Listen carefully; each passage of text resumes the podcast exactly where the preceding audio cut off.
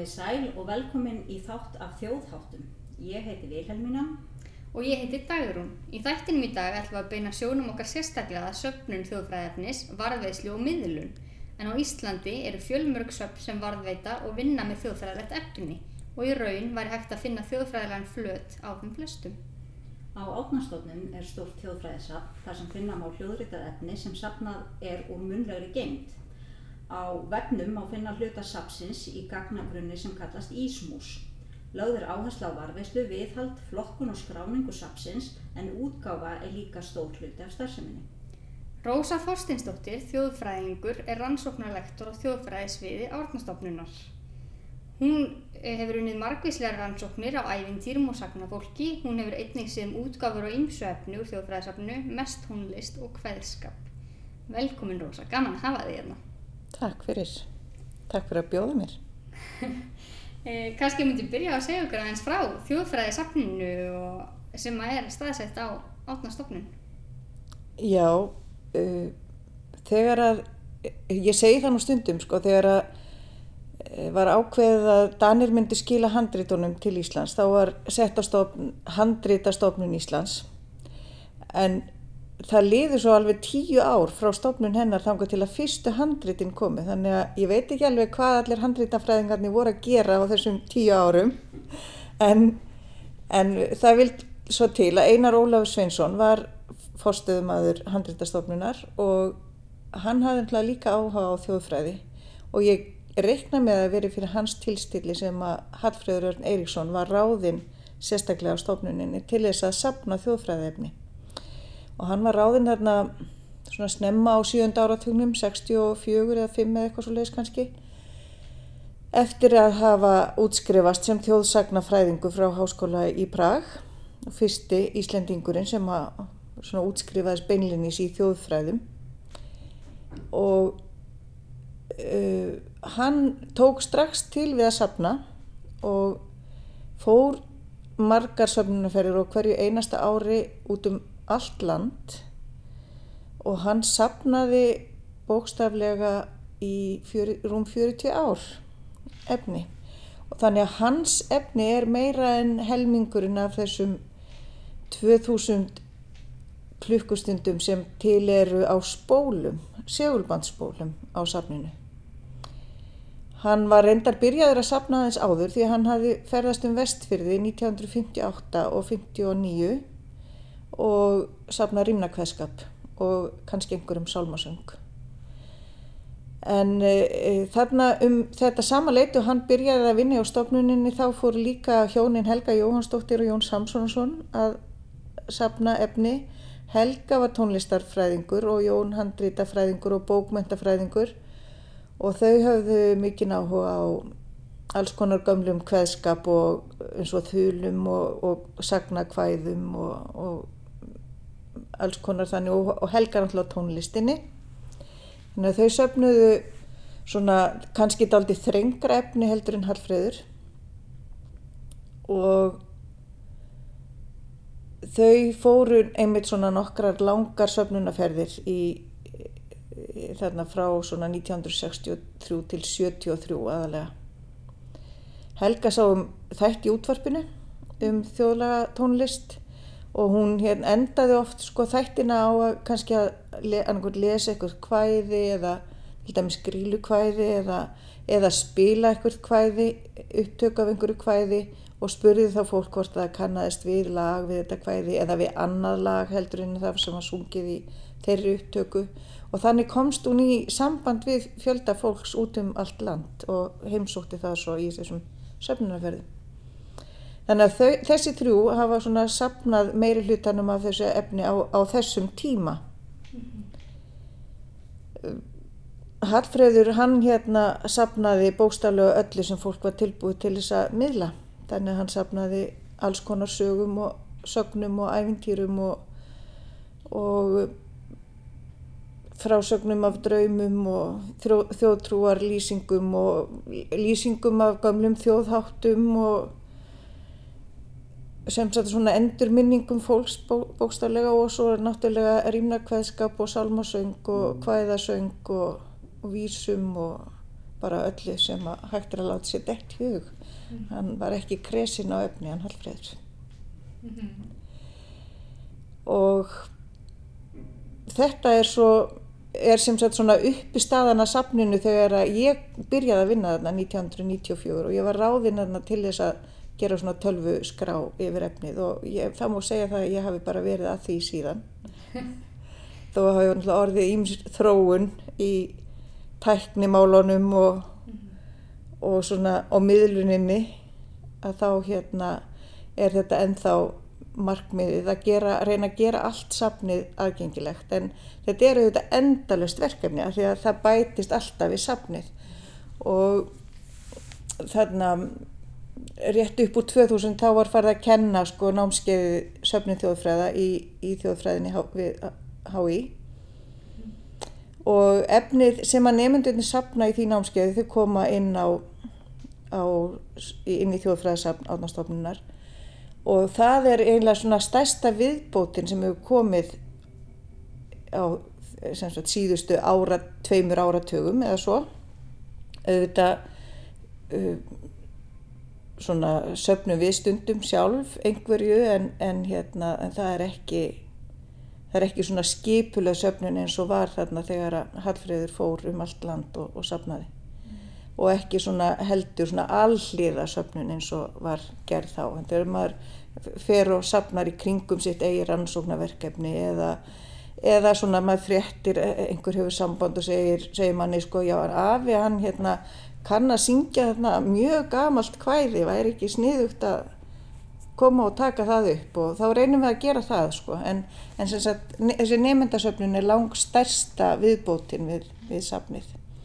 En svo kemur fólk líka með spólur, segulmannspólur, kassettur, alls konar efni sem að finnst kannski í dánarbúum eða við tiltektir að fólk er að taka til upp á lofti, háalofti eða kjallaragemslunum eða einhver staðar.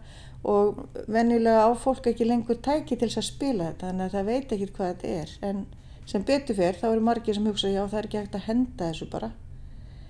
Og við tökum við alls konar svona efni líka. Og þannig að það er endalus, endalus vinna við að setja inn nýtt efni og skrá og ganga frá til varveislu og, og svo framvegs Já, ymmi, það bætist alltaf við. Já. Það er alltaf gífurlega fjölbreytt samt sem er þarna af alls konar sögum og upplýsingum eins og það segir. Já, það er það náttúrulega, sko, bara sagnirnar, þau eru alls konar sagnir, bæði sem sagt yfirnáttúrulegar og persónulegar og sögulegar sagnir og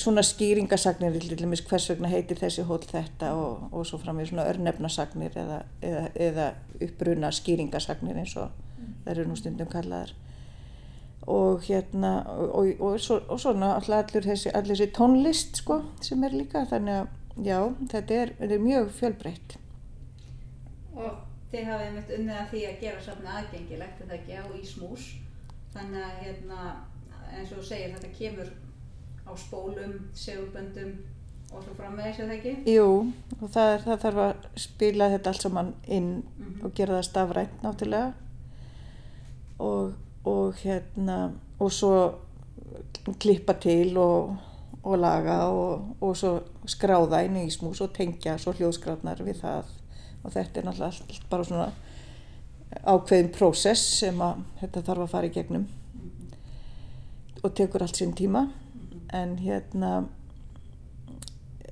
já, sko það var strax þegar ég var ráðinn 94 þá er sko eru sko 20 ár rúmlega síðan að þau byrjuði að sapna bæði Hallfreður og Helga og Jón.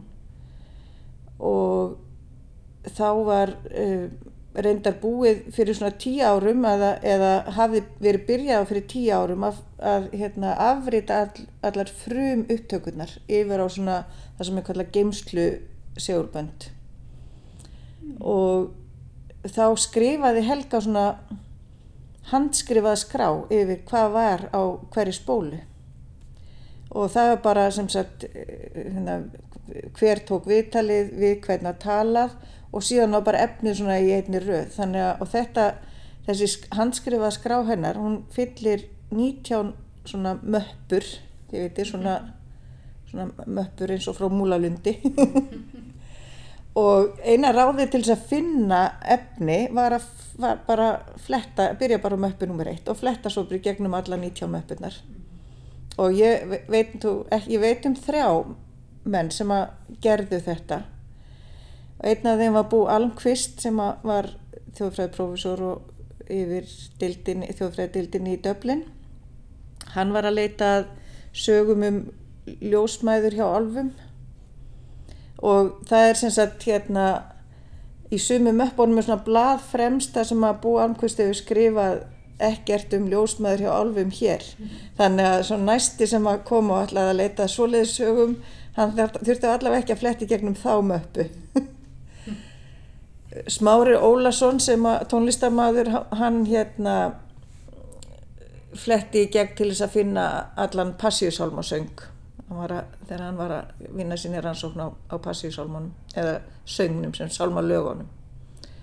Og svo var einn sem að hérna var að leita svona sæskrimsla sögum sem að fór í gegnum safnið. Og hann var einmitt þarna á sama tíma og ég bara byrjaði að vinna á ánastofnun og hérna og ég gerði lokaverkefni mitt í bókasarsfræði um draugasögur í safninu. Og hérna og þá sátum við stundum hana langt fram eftir kvöldi við Þorvaldur og hérna og stundum sagði Þorvaldur, heyrður Rósa, ég held að þetta sé ekki sæskrimsli, ég held að þetta sé draugur. Og svo var ég öfugt hjá mér ég sagði, nei, heyrður Þorvaldur, ég held að þetta sé ekki draugur þannig að hérna við unnum daldi saman. En, en sem sagt þetta var eina aðgengið að safninu þegar ég kom þarna. Og ég byrjaði á því að gera bara svona gagnagrunn sem ég bjóð til sjálf, ég meina 94 það var svona ekki komin einn svona gagnagrunnsforrit einhver fín eins og er núna sem að maður getur skráð allt bara á netinu og svona. En hérna en markmiði var alltaf sko að gera þetta efni aðgengilegt eftir mörgum leiðum. Þannig að það væri hægt að leita fólki heimildarmönnunum eða söfnurónum það væri þetta að leita eftir stöðum eða, eða sagt, ákveðnum landslutum eða, eða svæðum á landinu byggðarlögum eða svo, svo leiðis. Og síðan eftir efnis, efninu auðvitað sem að er mikilvægast mm -hmm. og hérna eða já mikilvægast segi ég en hérna það var auðvitað þannig að, að hérna sérstaklega þarna fyrst að þá var þetta mjög oft fólk sem að vissi að einhverjir hérna, forfeður þeirra hefðu verið teknur upp. Þannig að það voru mjög mikið um það að, að fólk var að byggja um afrið af sko, viðtöljumnum við af á ömmu og, og, og svo leiði. Sko. Þannig að þá var auðvitað nöðsynlegt að geta fundið þetta eftir heimilda fólkinu. En svona í fræðilegum tilgangi er þetta nú yfirleitt náttúrulega efnið sem að skiptir mestumáli og að væri hægt að leita eftir því og, og svo líka það að væri hægt að raða því og flokka eftir ímsu eins og til dæmis þú finnur, þú ætlar að finna eitthvað ákveð efn og þú vilt vita til dæmis hver hlut, kynja hlutvallir hvað eru margar konur sem segja svona sögur og hvað eru margir kallar sem segja svona sögur? Og þetta hefur auðvitað svo bara farið batnandi með aukinni tekni og og hérna og svo líka verið heppin með samstarfsmenn í svona forritara og þannig að þeir eru alltaf verið tilbúinir til þess að taka við nýjum hugmyndum og hérna og, og laga sko leitina eða flokkunina eða einhvern veginn þannig að sé auðveldara að einmitt að leita og flokka eftir ímsum leiðum mm. og, og þetta, þetta aðgengi sem að hérna smám saman verður alltaf betra það hefur náttúrulega líka orðið þá til þess að efnið er miklu meira notað og það er auðvitað aðaltilgangurinn Já, einmitt er þetta mikið nótkata bæði bara einmitt fræðastarfi og hérna listsköpun. Margir listamenn sækja sér innblástur. Getur þú sagt okkur aðeins frá hérna svona nótkunn og hérna fjölbreyttra nótkunn sem svona samt hefur? Já, það, það hefur náttúrulega þetta er bæði sko, já eins og segir fræð, fræðimenn og, og listamenn en svo líka sko það, þetta hefur líka verið notað við kennslu þetta er náttúrulega samt þannig að nú er þetta orðið svo aðgengilegt í Ísmús að ég verð ekkit vör við hvernig fólk er að nota þetta. Ég veit ekkit lengur alveg hvað fólk er að gera. En á meðan að, að, að sko fólk þurfti að hafa sambandi við mig, byggjum afrit eða, eða, eða lista yfir eitthvað, eitthvað ákveðið að þá vissi ég þetta meira og þá veit ég að þetta var nota til dæmis í kennslu þar sem að uh, og til dæmis grunnskólakennar og framhaldsskólakennar voru að nota efni sem að tilheyrði þeirra svæði þannig að ég bjóð til marga svoleiðis lista efni sko sögur sem gerist á Snæfellsnesi og sögur sem gerist á e, á Östurlandi eða, eða eitthvað í þeim dúr sko mm. Og það var auðvitað líka hérna var notað við, á einsum síningum og, og söfnum uh, grunnsýningu þjóðminnesapsins uh, og, og einhverjum svona fleiri staðbundum sýningum. En uh, það hafa verið svo unni nokkur rannsóknarverkefni sem að beinlinis hafa verið notuð, notað efni úr safninu og hérna til dæmis uh, er Júlíana Magnúsdóttir að nota efni engöngu úr safninu við sína doktorsaransó og sjálf auðvitað uh, notaði ég efni úr safninu þegar ég skrifaði mína bókum sagnafólk sem segir æfintýri uh, nú man ég ekki fleiri svona augnablíkinu en, en, en, en svo þetta hefur mjög mikið verið notað náttúrulega listamennum mm -hmm. í þá svona tónlistar það er lang algengast að það sé tónlistarfólk sem að notar, notar safnið en það hafa líka verið rítöfundar mm -hmm. og uh, jafnvel myndlistamenn mm -hmm. og ég, ég hérna þegar ég gaf út bók með barnaefni einu sem átti ég gott. Þá teiknaði Haldur Baldursson myndirnar í þá bók og það var til þess að hann kynntist þessu safni. Þannig að þegar að svo mm, félag fólk sem minnskreitir barnabækur sem ég man ekki núna hvað heitir e, ætlaði að halda upp á ammali sitt. Og hérna þá, þá dætt honum þetta í hug að, að fá mig í samstarf. Og þetta var, það var sem sagt til myndlistasýning og þetta gerist, hann hefur ég, það voru tólf teiknarar sem vildi taka þátt. Og ég valdi tólf svona frekar stuttar sögur og svo sett ég þær á geysladiska sem sagt eina sögu á hvert geysladisk svo hittist við all hérna á kaffehúsin hér í bæ og ég bara dróð svona upp úr pókanum diskana og rétti þeim sko þannig að það var algjör tilvíljun hver fekk hvað. En ég veit það svo, svona eftir á að, að þau skiptut aldrei svona á milli eftir því sem að þeim fannst áhugaverðara eða sem einhver annar hafi fengið og svona. En, en þetta var sem sagt myndlistasýning sem að var þannig að, að, að auðvitað var listaverkið mynd, myndlistaverkið var sem sagt aðal síningagripurinn en síðan var textin orðréttur á prentar á veggin fyrir neðan og síðan, síðan var símanúmer svona gjaldfrjálst símanúmer þannig að þú gæst hringt í símanúmerið og hlustað á söguna sagða sem var þá náttúrulega bara upptakan úr safninu. Og hérna, þetta var síðan að, að var, var ákveð að gefa þetta út á bók sem er þá þannig að hún er gefin út svona eins og listaverkabók sko þannig að í listaverkabókum er alltaf tekið fram sko í hvaða efni listamæðurinn vinnur og svona og það, þetta er gert í þessari bók sko og það er einn opna sem, sem að sagan er öðru megin og myndin heilsíðu mynd hinnum megin. Þetta var mjög skemmtilegt verkefni.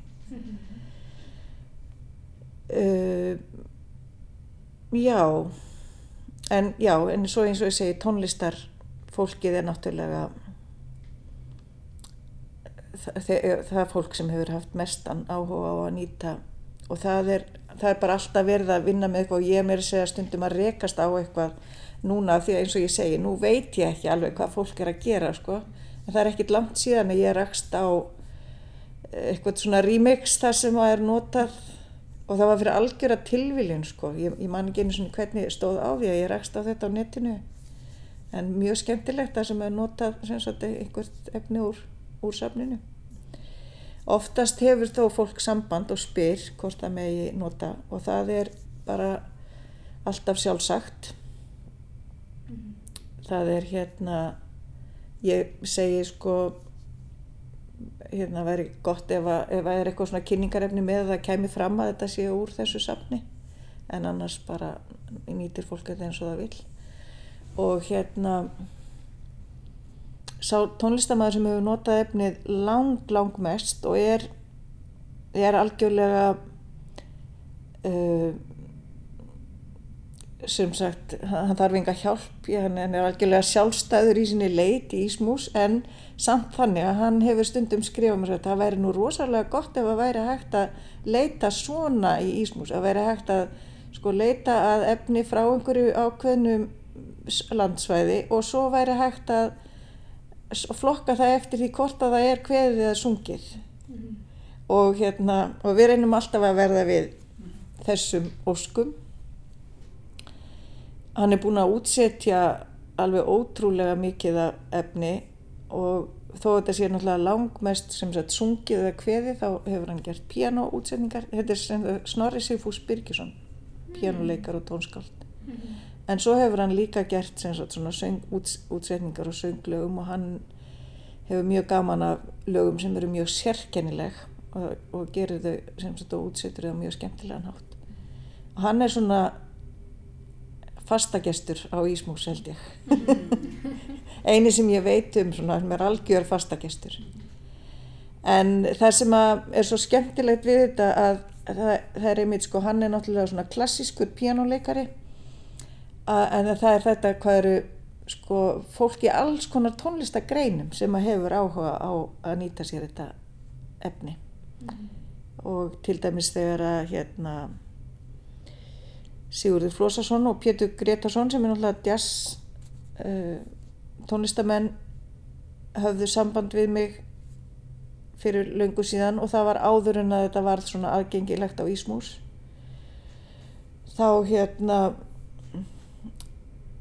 uh, voru mjög óljósar óskir oft um hvað þeir vildu. Þeir vildu eitthvað sem væri svona draugalegt, eitthvað sem væri skrítið, eitthvað sem væri fyndið, eitthvað sem væri skemmtilegt eitthvað uh, kannski held ég nákvæmasta lýsingin sem ég hafa fengið var að þeir vildu fá svona frekar mjóróma gamla konu sem syngi sálm en þá hérna sem sagt fór ég í gegnum efnið og reyndi að finna eitthvað sem samsvaraði þessum úrskum og, og ég sapnaði svo bara efni á marga geisladiska fyrir þá í gegnum tíðina og, og þeir sagt, nýttu sér það sem sagt svo sumt og sumt ekki auðvitað. Mm -hmm. í sínu þar sem að þeir nota beinlinis upptökurnar sjálfar og svo spinna þeir sína tónlist í kring. Og þeir nota ekki bara tónlist heldur líka sögur af því að ég mann þegar þau báðum eitthvað draugalegt þá, þá ákvaði ég að, hérna, að senda þeim sögur en ekki. Þetta byrjaði reynda þannig að þeir spurði hvort að hérna, væri ekki einhver sem syngi móðu mín í kvíkví. En það er nefnilega svo fyndið að það er ekki. Þessi þekta saga hún er bara alls ekki í safninu í okkur. En það eru alls konar aðrar útburðarvísur. Mm -hmm og hérna og ég sendi þeim þær öruglega sko. Mm -hmm. en uh, þarna var þetta þannig að ég sko ég, ég vissi í raun og verið ekkert hvað þeir voru svo að gera með þetta. Ég hafði, þeir voru eitthvað svona já svo bara ætla við að nota þetta svona og búa til svona tónlist í kring og eitthvað og, og ég var svona já býtu hvað og, og ég, svo hérna fyrsta skipti sem ég heyrði í þeim með þetta efni var á tónleikum hjá Listaháttíð þar sem að mér var bóðið og ég man eftir að ég satt út í sall og að ég aukvöldi allt í hennu að ég var alveg að deyja úr stressi. Ég var sko, ég var með svo mikið sviðskrekk fyrir hönd allra heimildamannana sem að ég hafiði gefið þeim aðgang að. En ég var samt alltaf að segja við þá því megið ekki gera lítið úr heimildafólkinu, þeim megið ekki gera það hlægilegt og þeir lofuðu því og þeir gerðu það ekki. Og allt sem er fyndið í þessu tónverki þeirra, þetta er eiginlega heilt verk, allir þessi diskur, rattir, þjóðar. Uh, maður þarf eiginlega áeiginlega að hlusta á hann frá upphafi til enda en, hérna, en all, allt það sem er fyndið það, þá hafa heimildamennir ætlað að vera fyndnir. Þannig að en þarna líka uh, hafði ég samband við alla heimildamenn sem voru þá ennþá á lífi og fekk leifi og það er alltaf þannig bara þegar maður er að gefa eitthvað út og, og hefur samtáð og þau finnst bara heiður að vera með að vera valinn til til útgáfu mm -hmm. þannig að það aldrei, hefur aldrei verið neitt vandamál þannig Þú sagði mér um daginn skemmtilega sögu um hérna hvæðakonu á Östurlandi þar sem safnið og, og heimildarvinnan í kringum það kom alltaf í skoða þarfir Getur þú sagt okkur þá sögu? Já. Já, það, þetta var þetta er svo mikla tilvíljanir í þessu öllu saman að þetta er aldrei merkilegt. Ég hérna Já, eins og ég geri, þá var ég að klippa og, og skrá efni. Og það var búið að vera daldi mikið að gera hjá mér og ég hafði ekki verið í þessu daldin tíma og ég, ég vissi ekki alveg hva, ég var, hvar ég var komin í safninu. Og fór eitthvað að gá og, og, svona, og ég bara einhverja algjörða tilviljun tekið þessa spólu og segja já ég klippi þessa, þetta ég hef tíma áður en ég fer heim í úrvinnunni í dag til að klippa þessa spólu og skrá hana og allt það. Og svo hlustaði ég á hana og þá bara komst ég því að ég bara vissi ekki ég heyrði ekki þegar mér fannst þetta bara allt vera svona í einni belgópiðu ég heyrði ekki þegar eitt kvæði endaði og næsta tók við og ég sé bara no, og nei þetta ég get ekki gert á, hérna, á klukkutíma að finna út úr þessu. En þetta var sem sagt hérna kona sem hétt Inga Þorlefsdóttir á Vík í Lóni að fara með hvæði formóður sinnar Guðnýjar Átnadóttur sem var kvöldur skáld Guðný.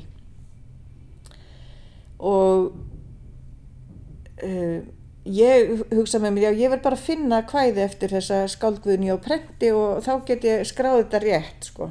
Svo ég fór að leita því og það var nú ekki mikið til prentað eftir henni eða ekki sem ég fann og ég fór að spurja svona í kringum mig og þá frétti ég að það ætti að fara að gefa út hvæði Guðnýjar Átnadóttur hjá félagi ljóðaunanda á Östurlandi og ég uh, þekkjan Magnús Stefánsson sem er út, aðal útgefandin eða rítstjórin hjá félagi ljóðaunanda svo ég ringi hann og spyr hann hvort hann væri til í kannski að senda mér þessa texta sem þeir eru að fara að gefa út svo ég geti nú skráð þetta rétt á Ísmús. Og það, þarna var nú náttúrulega, þið viti, ekki, þetta var ekki sama daginn sko, þarna var komið næsti dagur eða þar næsti því að þetta sem ég ætlaði að gera þarna á einum og hálfum tíma áður en ég færi heim, það var orðið, orðið aldrei meiri vinna. En hérna, við förum svo eitthvað að bera saman bækur okkar við Magnús í síman og þá kemur í ljós að þetta er alls ekki sömu, ekkert sömu kvæðin sem eru í upptökunni á mér mm. og sem þeir ætla að fara að gefa út sem eru kvæði sem eru í handriti sem er varðvikt á héraskjálasafni Austurlands á Eilstöð og þetta verður nú til þess að ég fer að reyna að hlusta meira og, og reyna að skrifa upp bara textana í þessum kvæðum og, og við förum svo að hafa meiri samskipti. Og Helgi Hallgrímsson náttúrufræðingur á Eilstöðum hann var, var sem sagt að gefa út þessa bók og og hún var eiginlega bara tilbúin til útgáð og þeir ætluði að fara bara að senda hann í prentun sko en eitt af kvæðunum þarna sem er í upptökunni er æfi kvæði Guðnjar þar sem hún er að rifja upp æfi sína. Og yngangurinn sem að Helgi Hallgrímsson var búin að skrifa hann var bara ekkert gildur lengur. Því að þarna komi hennar viðhorf til hluta sem að sem að hann var að rekja þarna í í inganginum um æfinar og þetta var semst til þess að þeir bara frestuðu útgáðinni um ár. Og hérna, hún er, nú- bókin er nýkomin út, heitir Hugurinn einart hleypur minn. Og, og þar eru sem sagt þessi kvæði sem að eru farið með í, inn á segulband í þjóðfræðisafninu og svo þessi úr handritinu á eilstöðum og svo þar að auki uh, aðeins viðbætur að því að þegar ég var nú að- alltaf að hlusta á þetta aftur og aftur til að reyna að skrifa upp textana þá uh, heyrði ég skrjá í blöðum í upptökunni. Svo ég hugsaði já, sumt að þessu er hún að lesa af blaði, að ég, sumt heyrði maður alveg að hún var að fara með eftir minni en annað, en var hún greinilega að lesa.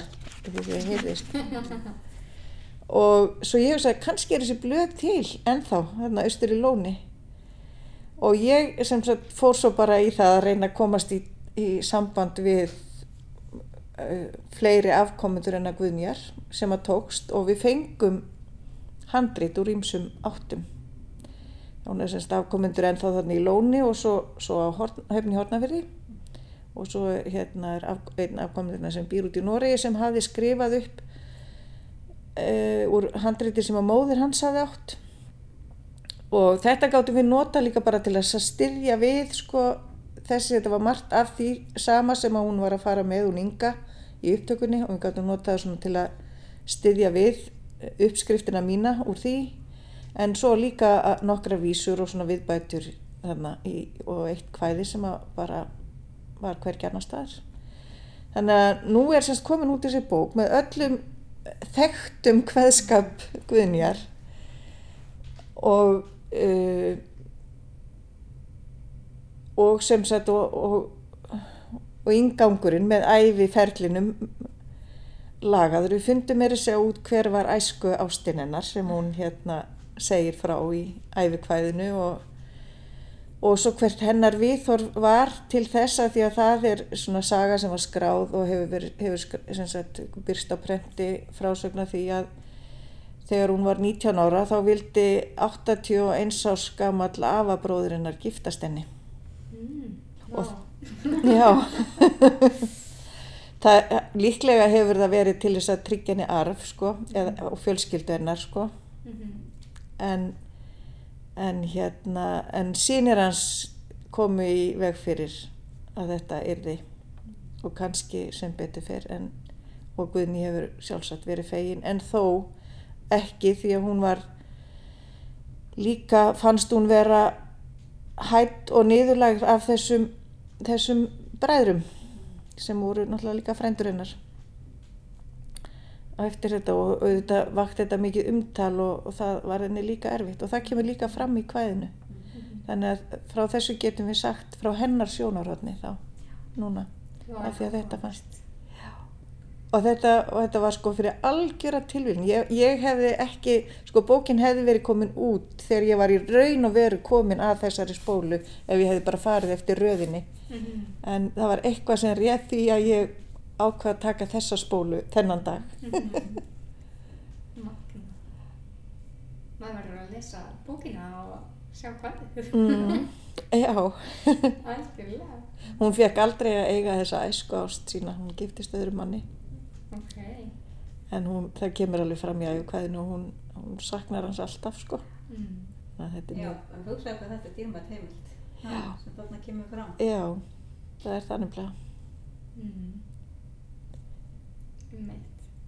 Og margt í þjóðfræðisöfnu líka sem að því að það var verið að tala við svo fjölbreyttan hóp fólks. Já, já, það, það er náttúrulega, þau, Hallfreður var oftast að tala við svona eldra fólk Mhm. og þegar ég var að skoða þarna sagna fólkið í minni rannsókn þá hérna tekkaði ég á svona hvenar, hvenar fólki, heimildafólki var fætt sko og það er alveg stór hluti af, af þeim hlutasapsin sem er, er heimildafólk frá fætt svona 1875 til 1910 það er alveg, þau, þau eru alveg meiri hluti Mhm. heimildamanna í, í þeim hluta Mhm. og þannig að já en, en hann stundum tal, hann talar einstöku sinnum við börn Mhm. en hérna já en en hann er auðvitað að leita svona einhverjum gömlum heimildum því að ég veit þetta, þetta er náttúrulega alltaf verið að reyna að ná þessu svona, áður en allir hverfa sem kunna þetta. Mm. en það hefur í raun og verið tekist í, í, í þessu að mörgu leiti sko og hérna þarna á sjönda áratugnum þá, þá fór Hallfreður nokkra ferðir með una, dönskum þjóðtónlistarfræðingum. Og þá var, var, voru þeir að leita sko að til dæmis hérna hvæðamönnum sem að gætu kveðið sko heila rýmur þannig að það er þarna semst, upptaka af sama hvæðamanni að kveða alveg heilan rýmnaflokk sem þeir taka upp hann á nokkrum dögum 67 eða eitthvað leiðis Mm. Og þá, þá, hérna, þá er þetta náttúrulega, það, það er alveg horfið, er, þetta er örgulega síðasti maðurinn sem að, sem að hefði getað þetta sko á þessum tíma. Hann hafði kveðið rýmur sko, á heimili sínu alveg óvenju lengi af því að oftast lagðist þetta nú af svona bara þegar, svona, þegar útvarpi kom 1930 og sem staðar var þetta var þetta þessi rýmna skemmtun inn á heimilunum fór fór að leggjast af svona upp úr aldamótanum 1900 en, en hann hafði sem sagt gert þetta alveg fram yfir 1940 þessi maður. Þannig að hann gati þetta ennþá þarna 67 eða hvernig sem það var 65 eða 7 og svo líka hérna eins og með gömlu salmalögin sem að lifðu auðvitað, þá er ég að tala um salmalögin sem að voru sungin í kirkjónum áður en að orgelin komi þegar orgelin komi þá breytast salmalögin og farða að syngja svona í fjórum röttum og svona en, en þarna áður er náttúrulega bara einhver eitt forsöngvari og svo taka allir undir.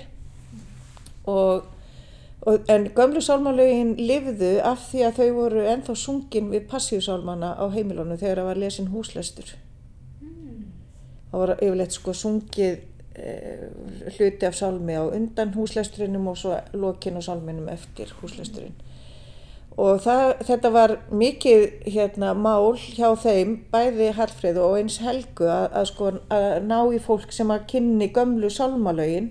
Og þau eru einhvern veginn er til alveg þúsund upptökur eða, eða sko ég meina þúsund og eitthvað upptökur þar sem að er fólk að syngja gömul passíusálmalög en Hallfreði dætt í hug að fá hópa fólki til að syngja saman. Og það er eina upptakan sem er til þar sem að líkist í eitthvað eins og var sungið inn á heimili þar sem að fólk satt í baðstofunni og, og söng passíusálma saman.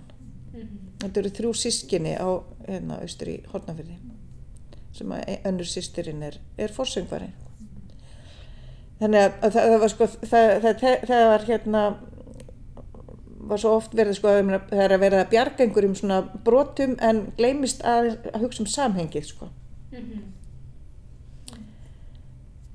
Og svo hafði Hallfríði náttúrulega áhuga á því að, að hérna hann, það, það var semst, átt að vera hans svona loka rannsóknarverkefni að hvernig svona sögur varðveitast bæði milli kynnslóða og innan svæðis og hann fór sem sagt aftur og aftur þarna að hala í Suðursveit og tók upp sko sömu sögurnar bæði hjá Steinþóra Halla og svo nágrannum hans og svo líka uh, sagt, svo, svo var hann farin að taka upp sko afkomendur Steinþórs. Þannig að hann, að, hann hafi náð þarna upptöku með þremur ætliðum sko og þetta, hann ætlaði sem sagt að gera þetta að svona sínu aðal rannsónaverkefni En væri kannski til að segja okkur aðeins frá þínum rannsóknum? Já, ég hérna ég er nú búin að minnast á þessa sagnamenn og ævintýri Mm -hmm.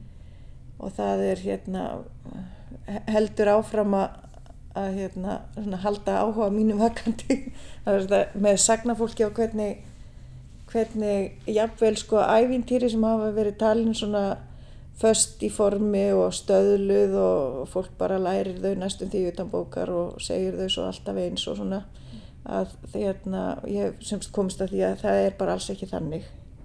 Þegar fólk breytir ævintýrum út frá sinni, sínum viðhorfum og sínum og, og það aðlagar þau að áheyrundunum sínum og, og sínu samfélagi og, og jáfnvel læðist sko landslægið í kring inn í sögurnar og svo náttúrulega það sem að eiginlega kom mér mest óvart en mér langaði, mér langaði að finna en kom mér óvart að ég gæt fundið að það sem að fólk beinlinis, eða sem að lífsreynsla fólks kemur fram í æfintýrónum sem það segir og uh, ég skrifaði sem sagt Emma Rítgerð langa Emma Rítgerð um þetta efni og, og svo var henni breytt í bókina sem heiti Sagan upp á hvern mann. Ég hérna svo er sem sagt svona annar þráður er þessi tónlistinn og rýmna hveðskapurinn og svona og ég er náttúrulega ekki tónlistamentuð en þetta hefur bara einhvern veginn orðið af einhverju þörf sko því að það, er, að það var engin annar sem að vann eitt í þessu. Þannig að ég hérna hef daldi mikið hugsað um rýmna hveðskapinn og einmitt hérna ekki endilega hvernig hann var á miðöldum eða þar heldur einmitt svona næri tíma. Þannig að ég hérna verði að skoða sko svona til dæmis hvaða rýmur voru vinsælast vantar þegar að og hvað er það sem gerir eina rýmur vinsætli en aðrar og, og hérna akkur verður þessi rýmnaflokkur svona uppáhaldsrýmur á einum bæ hjá einni fjölskyldu? Og, og svo hérna líka bara það sem að, að það er alltaf sko þegar ég verið að tala um svona hefð þá er alltaf talað um hana eins og hún sé hún, svona er rýmnahefðin svona var rýmna hveðskapurinn. Það voru hvenna rýmur á kvöldvökunni inn í baðstofinni, það var eitt hvaðamadur sem hvað hann var að segja sögu. Og, veitir, og, og þetta, þetta er allt eitthvað einfaldar en þegar maður fyrir að hlusta á fólkið tala um þetta fólk sem hefur um þér alið upp í þessari hefð þá kemst maður því að hefðin er svo miklu miklu fjölbreytari heldur en þetta og ég held sko að þetta hefur jafnvel verið mismunandi frá einum bæ til annars sko. Ekki, þetta er ekki bara svæðisbundi, heldur getur sko hérna, sá sem er alveg upp við kveðskap á hérna, næsta bæ við mig, hann getur sagt eitthvað allt annað um þetta, hvernig þetta var heldur en ég upplýði það þegar ég var að alast upp. Ekki það að ég hafi sjálf, ég meina, þið viti hvað ég meina. Ég, haf, ég ólst ekki fyrir mna hvaðska ég er ekki alveg svo kumul en hérna en þetta kom mér verulega óvart. Þetta kemur svo vel fram í þessum upptökum hans Hallfræðar frá þarna 1958 og 59 þar sem hann fer sko, um svona lítið svæði bara vestfyrðina eða vestfjara kjálkan og hann hérna og hann þá er hann daldi með svona staðlaða spurningar þetta er áður en að hann fer í nám til Prag og lærir það að hann á ekki að spurja hann einu heldur bara láta fólk segja sér það sem að það vil þannig að hann er með daldi staðlaða spurningar hann spyr alltaf myndana var dregin seimur? Tók fólk undir. Og hann spyr daldi mikið svona. Og, og, hérna, og svörin eru næstum því jafn mismunandi eins og heimildamenninir eru margir. Þú veist, þú að margir segir kannski já, það var dregin seimur. Þá segir hérna, segja þeir sömu kannski misjant, svara þeir misjant næstu spurningu skiljiði? Mm. þannig að það er ekki að sko taka einhverja tvo og segja þeir svara öllu nákvæmlega eins. Og þetta kom mér verulega óvart og þetta var líka til þess að ég fór að hugsa um það sko hvort þetta er ekki svona með fleira. Þú veist, að við alhæfum daldi mikið um svona er hefðin. En hún er bara ekkert, hefðin er ekkert sko eins fyrir mér eins og hún er fyrir ykkur. Er, og ég held að það sé bara í öllu þannig. Mm -hmm. og þetta var náttúrulega til þess að ég fór líka að hérna, hugsa um hljóðfærin. Mér finnst að hérna, þetta er aldrei leðinlegt að það er, engar, það er mjög lítið upptökum af hljóðfæraleik í safninu. En hérna það var líka það að sko, ég heyrði fólk og jáfnvel bara virðulegt tónlistafólk segja uh, það, það voru engin hljóðfæri á Íslandi. Og ég heyrði ég var einn hérna danskur tónlistamæður sem kom hérna og var á námskeiði og þjóðlega hátti á Siglufyrði hann spurði kennaran hvers konar spillemannsmusík var hérna á Íslandi og þessi kennari lærði tónlistamæður sagði það er engin spillemannsmusík á Íslandi. Og mér finnst þetta svo skrítið hvernig þetta viðhorf hefur komist inn. Að það er, sem, það er svo alþýð, svona alþýðu tónlist hún er ekki tónlist.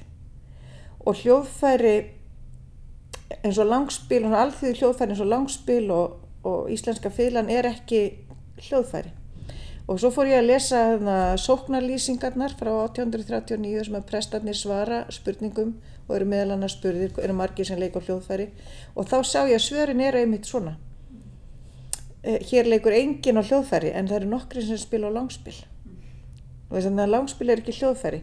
Svo ég, hérna, var, þetta var lengi svona að matla í mér og ég komst einmitt að því líka að þarna, að þar er hefðin ekki bara einhver einn, sko og það er ekki tægt að segja, sko, svona, var, svona er Íslands langspil, það er akkurat svona langt, það er með svona mörgum strengjum það er með strengjum úr þessu efni það er spilað á það með, þessu, með boga þessu, sem er búin til úr þessu og, og svo framvegis því að svoleiðis er þetta ekki. Þegar ég fór að leita bara að heimildónum að þá er þetta virkilega þannig að fólk hefur smíðað sér hljóðfæri úr því efni sem það hafið tiltækt nota það efni sem það átti í strengi og það annarkur spilaði með boga, boga á strengina eða sló á það eftir því sem bara þeim fannst betra mm -hmm.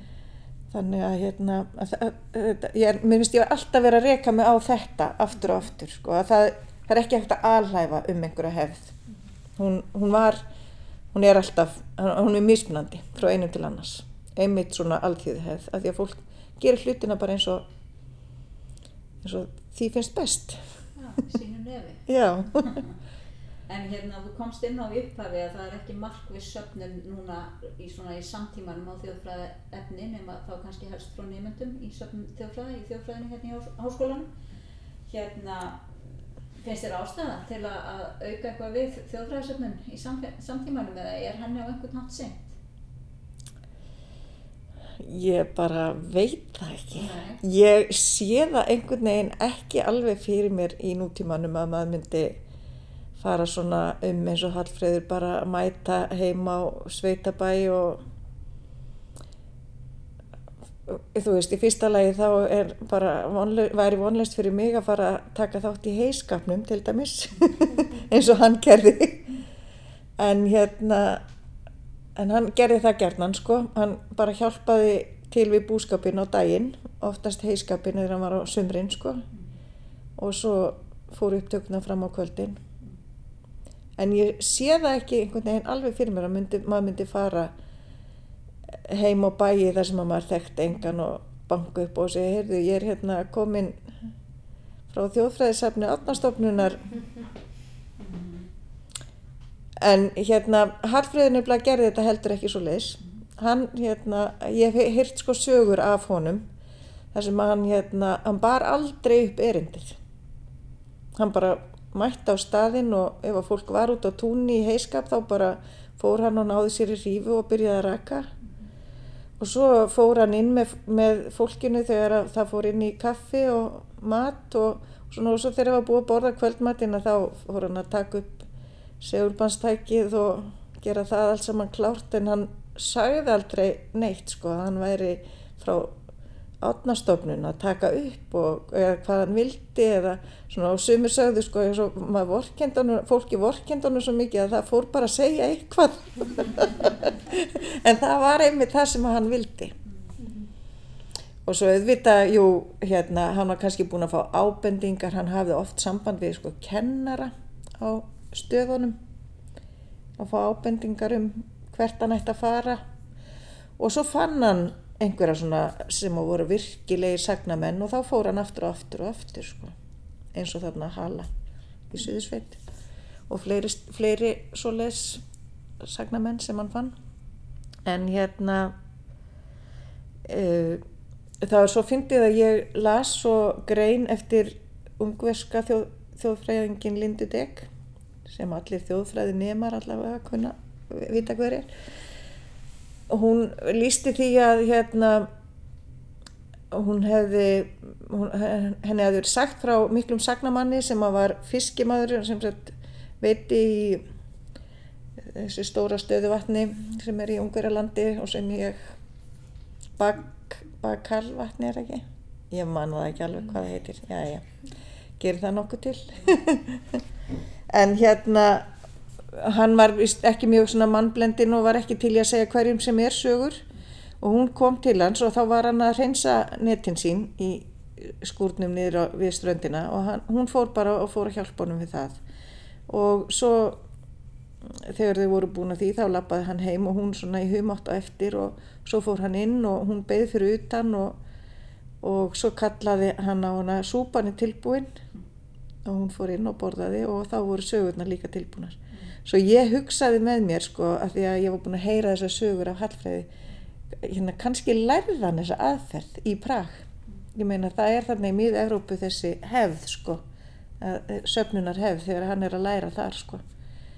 Að að, og, það, og það er það sem að sko hún var alveg sama þó að fólki finnist hann vera skrítinn og, og hann segir alveg óhikað sko þegar fólk segir þú hlýtur nú að kunna þetta. Og hann segir bara nei ég kann þetta ekki.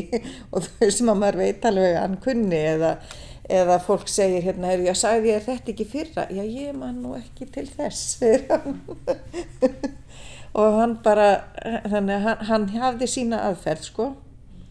Og hérna, líkti þessu stundum sjálfur við einmitt að bara að veiða sílung eða, eða veiða á flugu eða maður þarf að hérna, þreita viðfangið og, og svo gefur það sig að lokum.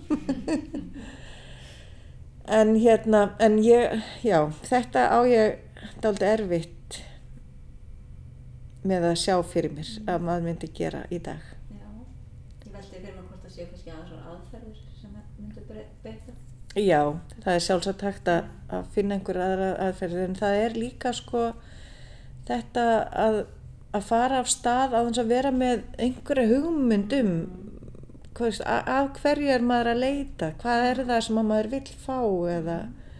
Ég meina ég veit alveg að, að þau voru það, þau voru með einhverja hugmyndir um það hvað þau vildu og, og þau hérna Hallfríður skrifaði svona bækling sem heitir Söfnum þjóðfræða og það sem hann telur upp sko það sem hann er að, sem hann er að sækjast eftir.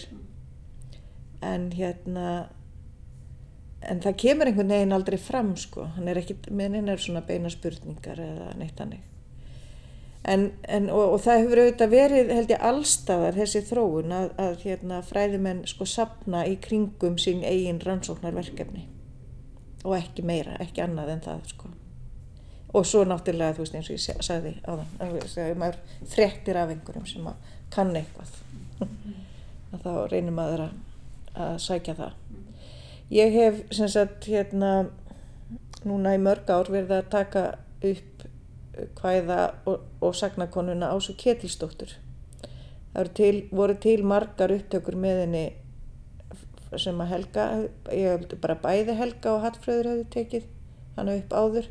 Og þá alltaf sem hvæðakonu og svo kynntist ég henni þegar að kom út fyrsti diskurinn sem var gefin út með efnúsafninu 98 og þá e, það er þarna hún er, er sem sagt á þeim diski hvaða barnagælur. Og ég kynntist henni í tengslum við þessa útgáfi og og síðan þá höfum við tók ég upp heilmikinn hveðskap með henni. Og svo komst ég að því að hún segir líka sögur. Svo ég fór að taka engöngu upp sögur. Og þegar hún kemur hérna til Reykjavíkur í í auglæknin sinn eða eitthvað. Þá hefur hún samband við mig og þá reynum, við að hittast og hún segir mér nokkra sögur. Og ég hef líka heimsótt hana vestur í að lögalandi Ísafjörðardjúb og hérna og hún segir nefnilega það er svo skemmtilegt, hún segir sögur sem að hún lærði af pappa sínum og mömmu sem að þau sögðu þegar hún var börn, barn og sískinn hennar og þau, þau voru og þau sögðu sögur við alls konar tækifæri. Og það er eitt svona einmitt þetta með hefðina sko, vitið, þetta, mað, maður hefur þessa, hérna, þessa mynd í haustnum eins og svona romantísku mynd af einhverjum sagnaþul sem situr með fjölda áhærenda í, kring, í kringum sig og segir sögur af mikilvæg list sko. þau sögðu sögur við vinnuna. Veist, þegar að þegar að mamma hennar var að skúra gólfið þá sko letum börnin sitja veist, upp á einhverju svo að þau veri ekki að hlaupa um gólfið á meðan hún var að skúra og sagði þeim sögu. Og pappi, pappinnar sagði henni sögur á meðan þau voru að gefa garðan í fjárhúsinu. Og þau sískinin, þau sögðu stundum sögur, hvert öðru sögur eða kváðust á þegar þau voru í heiskapnum þegar þau voru til dæmis að raka eða snúa þar sem að, þau gengur kannski þrjár í röð það var svo aftasta sem að sagði söguna því að þá heyrðu þau ínar og það er alls konar svona þetta er líka með þetta sagnafólk sem að ég skrifaði um þau segja líka einmitt þannig eins og einn segir sko þegar hún var að mjölka þá satt kannski röð af krökkum á stjettin í fjósinu og hlustaði hann að segja sögur á meðan hún var að vinna sko. þannig að þetta, þetta er neginn, allt önnur mynd af sagnahefðinu heldur maður hefur fengið áður sko. en Ása hún segir nefnilega líka sögur sem hún hefur lært að lestri. Og það finnst mér mjög áhugavert. Hún segir til dæmis hérna, sögur sem hún hefur lært úr 1001 nótt og, og alls konar svona þýttar sögur sem hún hefur þýtt æfintýri sem hún hefur lesið einhver staðar.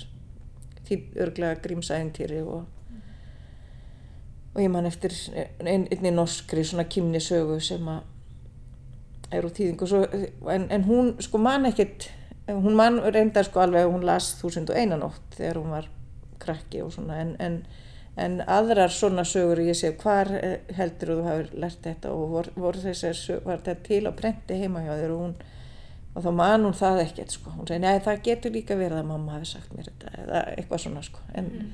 En mér finnst þetta svo áhugavert einmitt svona alls konar sögur og, og það líka einmitt að sagnahefðin er fjölbreyttari heldur en sögurnar er, sem er sagðar eru fjölbreyttar og hafa örglega alltaf verið. Eða þegar Jón Átnarsson fyrir að sapna sko þá er náttúrulega verið að sapna íslenskum sögum. Hreinum ósviknum íslenskum þjóðsögum.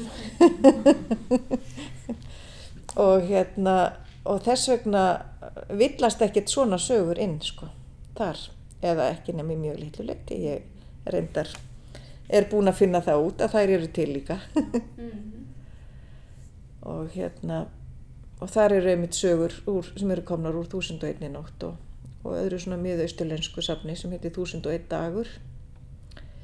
Og jáfnveil svona miðalda, þessum við kalla miðalda æfintýri það eru sko ekki svona æfintýri eins og við eins og við kallum æfintýri í dag heldur er þetta svona dæmisögur eða svo leis sem eru svona ofta með svona trúarlegu intaki og hérna og hún, já og það, er, það er alveg til svo leis í líka í safni Jóns Átnarssonar sem að Jón hefur ekki átt að segja á að veri útlend kannski. Mm -hmm. Já, áhugavert. Mjög, en ég hugsa að við þurfum að slá botnin í þetta viðtal. Takk hella fyrir að koma til okkar, Rósa, og segja okkur frá og takk hella fyrir að hlusta öll. Já, takk fyrir. Fanga til næst. Bless, bless.